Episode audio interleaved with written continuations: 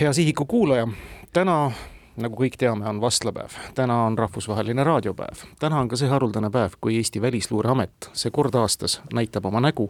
näitab oma tegu. ehk siis ilmunud on Eesti Välisluureameti aastaraamat, kus antakse ülevaade siis julgeolekuohtudest meil ja maailmas. ja see on see kord aastas, kui saab tõesti näost näkku vestelda Välisluureameti peadirektori Kaupo Rosinaga, kellega ongi hea meel Sihiku saates kohtuda. tervist, Kaupo! tervist! aitäh teile selle aja eest, vahetult just Kuku raadiole. alustuseks ma tahaks paluda teid, et äkki aitate ärevust leevendada, sest et uudised, mis nüüd ringlevad, pealkirju kui lugeda, tõtt-öelda tekitavad natukene juba sellist paanikahõngu ja elementi, ma saan aru, et kellelgi on see väga kasulik ja väga tore, aga noh, mõned pealkirjad, Poola kahekordistab oma armee suurust, Taani poliitikud näevad Venemaad peagi mõnd NATO riiki ründamas, Eesti kaitseväe juhi kandidaat näeb tulevikustsenaariumi Eestile keerulisena, Venemaaga piirnevad riigid panevad suurt rõhku kaitserajatiste varjendite rajamisele. no see on vaid loetud pealkirjade hulk, on siis olukord nõnda plahvatusohtlik ja sõjahirmul täna mingit alust? no ega suures plaanis olukord kiita ei ole, meil on äh, suur naaberriik Venemaa, kes peab vallutussõda äh, Ukraina vastu, kes on otsustanud Ukraina endale sõjaliselt ja poliitiliselt allutada äh, ja arvab, et ta on suuteline lääne üles, üle kannatama ja lõpuks võidab. nüüd äh, edasised stsenaariumid äh, sõltuvad väga palju äh, erinevatest asjaoludest, näiteks kuidas see sõda Ukrainas siis lõpeb, kas Venemaa saavutab oma eesmärgid või ei saavuta, ja sellest tulenevalt ka Venemaa muud ambitsioonid, milleks on ju ka muuhulgas Euroopa julgeolekuarhitektuuri ümberkujundamine, et saavutada endale selline vetoõigus ja, ja kaasarääkimisõigus ja NATO kindlasti ei mahu sellesse kontseptsiooni. nüüd äh, see, kuidas tulevik äh, välja näeb, äh, sõltub nagu öeldud, Venemaa tegevusest või võidust Ukrainas, aga see sõltub ka hästi palju sellest, mida me ise siin enda kaitseks ette võtame. nagu öeldud, ambitsioonid on teada, me saame aru sellest, et Venemaa on oht, aga meie asi on ka tagada, et, et see oht kunagi ei realiseeruks ja selleks oleme ju iseenda poolt viimastel aastatel siin nii Eestis enda kaitsevõimet tugevdanud, me näeme, kuidas NATO äh, tegeleb samamoodi meie regiooni kaitsega, töötades välja erinevaid kaitseplaane ja, ja tagades neid ressurssidega, äh, ja meie hetkehinnang on see, et äh, Venemaa lähiaastatel Eestit ei ründa ja, ja edasine nii-öelda selle riski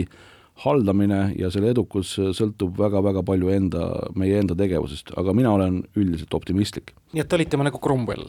loodame jumalale, aga hoiame püssirohu kuivana. Siiski olete välja toonud, et Venemaa, noh, tulenevalt oma ketukast esimesel aastal Ukraina sõjas, nägi, et sõjaväereformid on möödapääsmatud ja sõjaväereformid on neil nüüd käsile võetud, iseasi, kuidas see kõik välja tuleb, aga see peaks tooma siis Eesti piiride taha nende vägede sellise märgatava kasvu, kas see tähendab nüüd uut reaalsust meie riigipiiril, kus on võidurelvastumine ja selline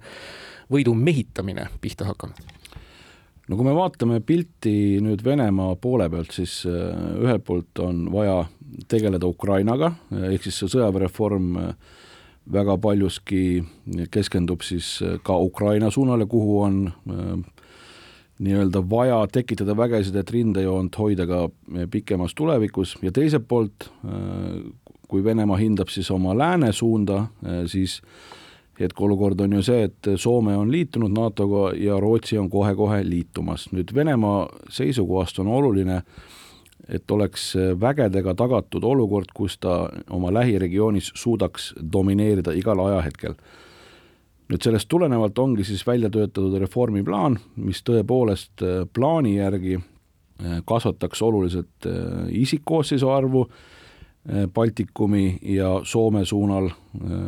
soomukite, tankide ja suurtükisüsteemide arvu äh, samamoodi. Eraldi küsimus on muidugi see, et, et kui kaua see kõik Venemaa, Venemaale elluviimine aega võtab. ja see sõltub jällegi väga palju sellest, kuidas siis Ukraina operatsioon neil läheb nüüd meie poolt samamoodi, et ega me ju siin ka jällegi ei maga, et need plaanid on ju põhimõtteliselt teada, sellele vastukaaluks on nii-öelda meie enda kaitsevõime tugevdamine, äh, NATO vägede tegevus siin regioonis, sest enne igat operatsiooni, sellest operatsiooni Venemaa viib läbi jõudude tasakaalu või jõudude vahekorra hindamise et tal oleks siis nii-öelda eelis. Ja Venemaa eesmärk on ka igasuguse operatsiooni puhul kontrollida nii eskalatsiooni kui ka deeskalatsiooni. see on nüüd siis see, mis Ukrainas ei töötanud väga hästi neil, kuna arvestused olid tõepoolest väga-väga valed. aga meie ülesanne on tagada, et see kalkulatsioon Venemaa poolelt eh, vaadates oleks meie ehk siis lääne jaoks ja NATO jaoks eh, soodus, nii et Venemaal ei tekiks kiusatust siin mingisuguseid avantüüre ette võtta väga põnev peatükk ja lugemine oli see, kuidas Venemaa on sattunud sõjasõltuvusse, nad on leidnud selles mitu hooba, esiteks võib-olla tõesti siis oma mahajäämust, tühjaks varastatust nii-öelda kompenseerida relvastuses, teisipidi investeerida inimestesse, no põhimõtteliselt kahurilihasse. aga see sõltuvus sõjatööstuses on hästi ohtlik asi, mul keris kohe silme ette selline Hollandi tulbimaania aegne asi, kus ühel hetkel käib nii-öelda pauk ja sellest sõltuvusest vabanemine saab olema ja see võõrutus ütlemata keeruline. räägime korra mõne sõnaga lahti, milles see sõjasõltuvus siis seisneb kõigepealt see, et Venemaa panustab arutul määral ressursse siis tõesti sõjatehnikasse, eh, sõjatööjõudu, nii sõdurite kui ka siis nende näol, kes peaksid minema kuskil kolkalinna rakette ehitama ja nõnda edasi. ja kui ühel hetkel selle jaoks vajadus katkeb, siis ongi nagu kõik no võime öelda, et hetkel on Venemaa tõepoolest saavutanud teatud eelise, kui me räägime sõjatööstuse olukorda, et äh, kaks tuhat kakskümmend kaks lõpp ja kaks tuhat kakskümmend kolm aasta jooksul nad hindasid oma olukorda äh, sõjatööstuses, äh, said aru, kus on nende pudelikaelad, kitsaskohad, äh, kuhu nad peavad investeerima ja, ja seda nad ka on teinud ja võib öelda, et Venemaa majandus hetkel suurel määral seisabki siis sõjatööstusesse tehtud investeeringute ja, ja sisenõudluse peal. ekspordi, eksportivad majandusharud on väga suurel määral ära kukkunud. Ja, ja, ja nagu öeldud, väga palju siiski majanduselu keerlebki ümber sõjatööstuse hetkel ja ma saan aru, et ega Venemaa nii-öelda tsiviilotstarbeline tootmine pole ka nüüd väga suurem asi, et nad nii-öelda olme- ja tarbekaupade tootmises pole kunagi hiilanud, aga nüüd on see seda nõrgem siis, tulenevalt ka sellest, et sanktsioonid on peal. jaa, sanktsioonidega on, on selline lugu, et hoolimata Vene eh, retoorikast, kus nad üritavad siis olukorda näidata sellisena, et eh, sanktsioonid ei mõju ja see kõik on läänele endale palju kahjulikum kui Venemaale, siis äh, võib öelda, et äh, sanktsioonid mõjuvad küll, need on tegelikult päris valusad Venemaale, aga samas sellised, see sanktsioonide temaatika ei ole, ei saa olla nagu lõppenud meie poolt, et Venemaa üritab siis hetkel leida mingisuguseid varukanaleid läbi teiste riikide, tagada endale ikkagi lääne tehnoloogia juurdevool ja see on selline teema, millega tuleb pidevalt tegeleda, et ühelt poolt me peame eh, jõustama olemasolevaid sanktsioone eh, veelgi paremini, kui praegu see toimub, ja teiselt poolt peame sanks-, sanktsioonipoliitika peab siis reaalsusega kaasas käima, et, et üritada ikkagi leida siis üles need kohad, mida me ju teame, kust Venemaa siis ikkagi hangib endale äh, nii-öelda alternatiivseid kanaleid pidi erinevaid vahendeid ja ka need äh, kanalid siis ära lõigata, et see on kõik, need on kõik tegevused, mida me saame tegelikult veelgi teha, et Venemaad veelgi rohkem pitsitada. Venemaa retoorikast juba rääkisite, öelge, kuidas nüüd tundub, kas selles üsna intensiivses infosõjas, kas me kipume liiga innukalt võtma tõe pähe kõiki Venemaid puudutavaid negatiivseid uudiseid, no lüüasaamine rindel, probleemid relvastusega, bardakk siin-seal, Putini tervis ja nõnda edasi? no kõiki uudiseid, mis Venemaalt tuleb, tasub võtta sellise väikse koefitsiendiga, et et äh, meie ülesanne äh, on äh, luures, on siis ikkagi tagada adekvaatne pilt ja seda me läbi oma aastaraamatu üritame ka siis lugejale selgitada, et mis see reaalsus on. kuidas Putini tervis on siis? Putini tervis ei, ütleme niimoodi, et tal on kahtlemata väga hea meditsiinimeeskond, kes teda igal sammul saadab, kes tema tervist jälgib, tegemist ei ole ka enam kõige noorema inimesega, et äh, ütleme nii, et talle on tagatud maailmatasemel arstiabi Te olete välja toonud, et läänel ei tasu tegelikult üle hinnata Venemaa planeerimisvõimet, ehkki me teinekord kipume seda kartma, eks Venemaa seda loomulikult võimendab ise ka. ja neile sobiks ju tegelikult vaheeesmärgina praegu üldse konflikti külmutamine nende seatud tingimustel. Neil ikkagi loen ridade vahelt välja, on siiski häda käes ja režiimil üsna käegakatsutav oht, ütleme rahulolematute näol tunde, et see sisemaine rahulolematus korra nagu lahvatas siin Prigožini mässuaegu, aga, aga neid rakukesi ju võib siin-seal veel olla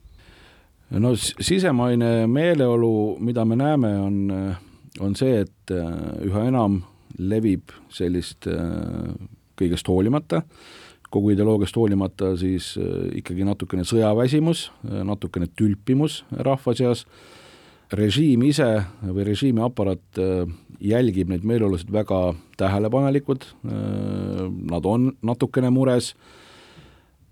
ja selle probleemiga siis nende vaatevinklist tegeletakse, ehk siis äh, korraldatakse erinevaid üritusi, lubatakse, jagatakse lubadusi, kompenseeritakse äh, rahaliselt siis erinevaid ütle, ütleme siis kaotusi perekonnas või, või kellegi invaliidistumist, ehk siis see on teema, millega peab tegelema. Ja teiselt poolt loomulikult repressiivaparaat samamoodi jälgib olukorda väga tähelepanelikult ja reageerib seal, kus vaja, et hetkel me sellist äh, enamus sellist äh, rahulolematuse ilminguid on ikkagi kaane all, väga palju ju seda näha ei ole, ja me ei näe ka seda, et see nüüd muutuks nii suureks, et, äh, et see oleks nüüd lähiajal veel režiimile ohtlik, aga mida kauem see sõda kestab,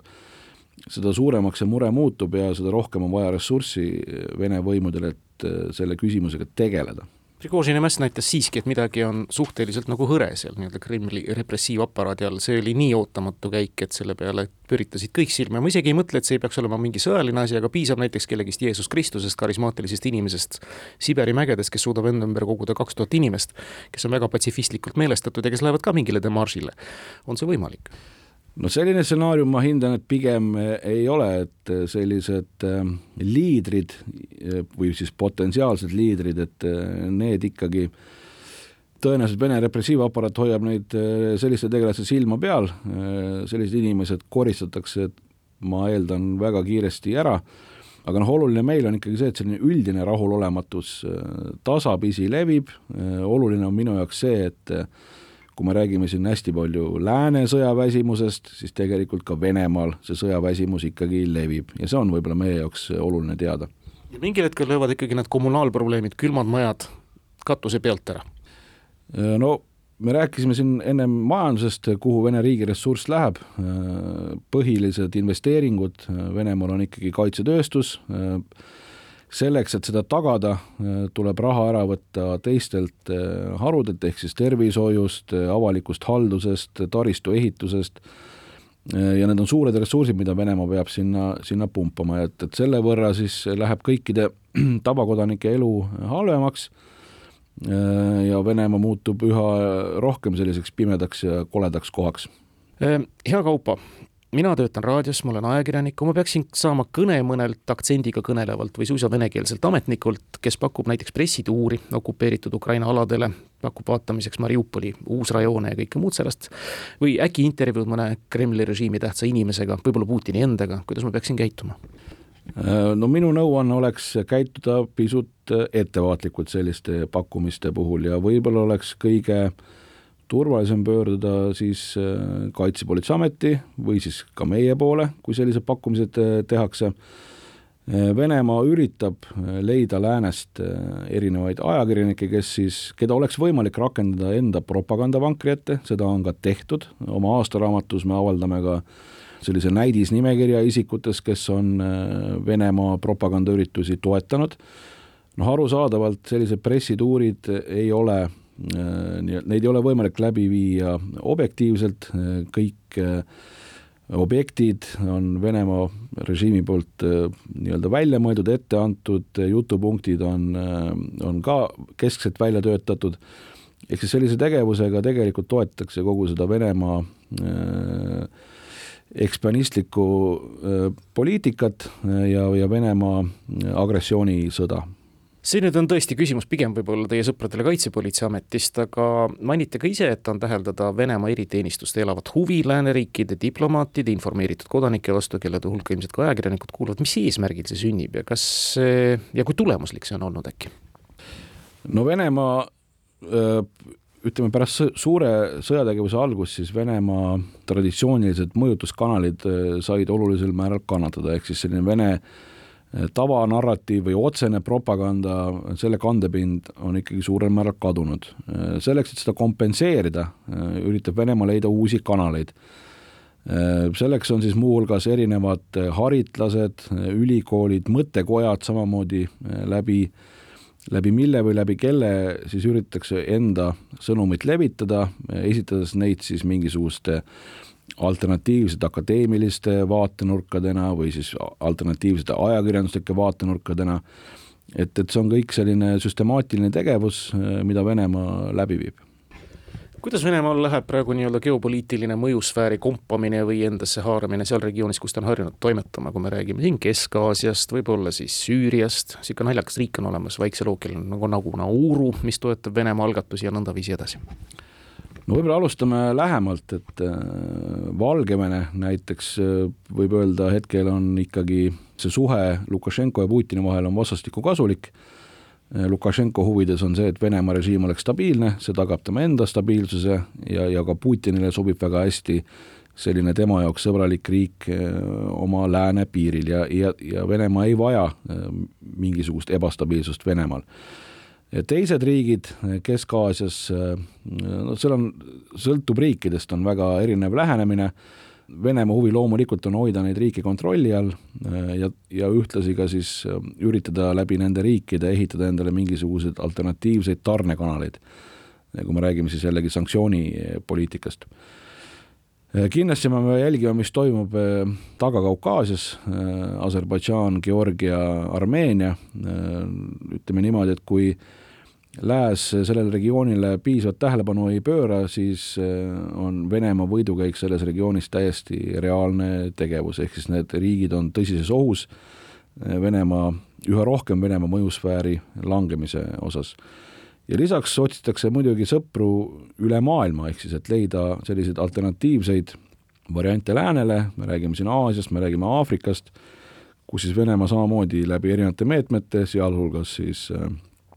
läbi niinimetatud eraturvafirmade üritab oma mõjuvõimu kehtestada, Aafrikas noh, tuleb tunnistada kohati ka edukalt, kui me räägime Kesk-Aafrika Vabariigist või, või Malist näiteks, aga tõenäoliselt see riikide nimekiri, keda Venemaa siis üritab enda mõju alla saada, see veel pikeneb tulevikus. Räägime Hiinast ka, temalegi on pühendatud märkimisväärselt ruumi aastaraamatus, ka tema teeb ju ja omab päris olulisi välispoliitilisi ambitsioone ja vast realiseerib ka neid luuremaailmas, kas ta teeb seda kuidagi teistmoodi kui Venemaa, peenemalt, rafineeritumalt, vähem sõjakamalt? no Venemaa, see, vabandust, Hiina pikem või Hiina plaan lääne osas on pisut pikemaajalisem. Äh, ja strateegilisem lähenemine, seda tehakse, ma julgen väita, oluliselt osavamalt, siiamaani on seda tehtud mittesõjaliselt, vaid üritades siis oma mõjuvõimu kehtestada siin läbi erinevate majandusmeetmete ja samamoodi läbi oma tehnoloogia levitamise. ja noh, võib öelda, et tõepoolest see on pisut rafineeritum kui Venemaal, nüüd kui rääkida Hiina ja Venemaa suhtest, siis tulevikus ma näen seda arengut küll sellisena, et Hiina tasapisi äh, võtab siis, äh, hakkab ida poolt või juba võtab ida poolt seda riiki enda mõju alla või kontrolli alla majanduslikult, äh, kasutades Venemaa ressursse, pumbates ka Venemaalt ressurssi välja, ja noh, ma näen ka seda, et Venemaal nagu väga head rohtu selle vastu ei ole. See on kaval mõte muidugi ja, ja ilmselt ka läbi väga hästi läbimõeldud mõte, kuidas siis tehnoloogia abiga, no palju on räägitud sellest Huawei 5G ohust ja nõndaviisi edasi, muide, ega mulle praegu agressiivselt äh, reklaamitaksegi pidevalt ühte Huawei sülearvutit, tea, kas peaks ostma? no Hiina tehnoloogiaga kaasnevad erinevad äh, ohud, et ühelt poolt, kui me räägime riigi tasandil, äh, siis enamasti Hiina seadmed või seadmete komponendid ühilduvad ainult teiste Hiina seadmetega ja seeläbi satutakse sõltuvusse, ehk siis iga järgmine komponent, mida, mida osta tuleb, nii-öelda väga palju variante, kui et seda osta Hiinast, ei ole.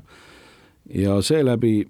tagab Hiina endale sellise poliitilise hoova, ehk siis kasutab teiste riikide sõltuvust endast ära poliitilistel eesmärkidel. mõjutades neid riike siis võtma vastu otsuseid või käituma nii, nagu Hiina seda soovib eelmise aasta sügise sündmused Gaza sektori piiridel näitasid, et paraku pole ka klassikaline terrorism kuskile kadunud. kas me peaksime olema selle pärast mures, et jutt käib siis islami äärmusideoloogiast kantud terrorismist, et mingid pommid võiksid jälle jõuluturgudel ühel hetkel plahvatama hakata, et mingid rakukesed on jälle jõudu kogunud pärast, ütleme, mingisuguseid väga laastavaid kodusõdu ja nõnda edasi? no me näeme tõepoolest terrorismi ohtu Euroopas äh, tõusuteel, äh, jätkuvalt on olemas Al-Qaeda rakukesed, jätkuvalt on olemas Islamiriigi rakukesed Äh, me näeme ka seda, et äh, tõusev trend on äh, Kesk-Aasia päritolu inimeste kasutamine, väga palju või noh, ütleme suur, suur osa propagandast, mida üritatakse teha siis, mis on sihitud Kesk-Aasia inimeste vastu või suunas, toimub ka vene keeles näiteks, ehk siis ka need terrorismirakukesed on väga-väga paindlikud, üritavad ära kasutada seda pahameelt, mis on siis tekkinud siin erinevate Koraani põletamiste järel Euroopas, ja, ja tõepoolest, et see, see oht on hetkel tõusuteel.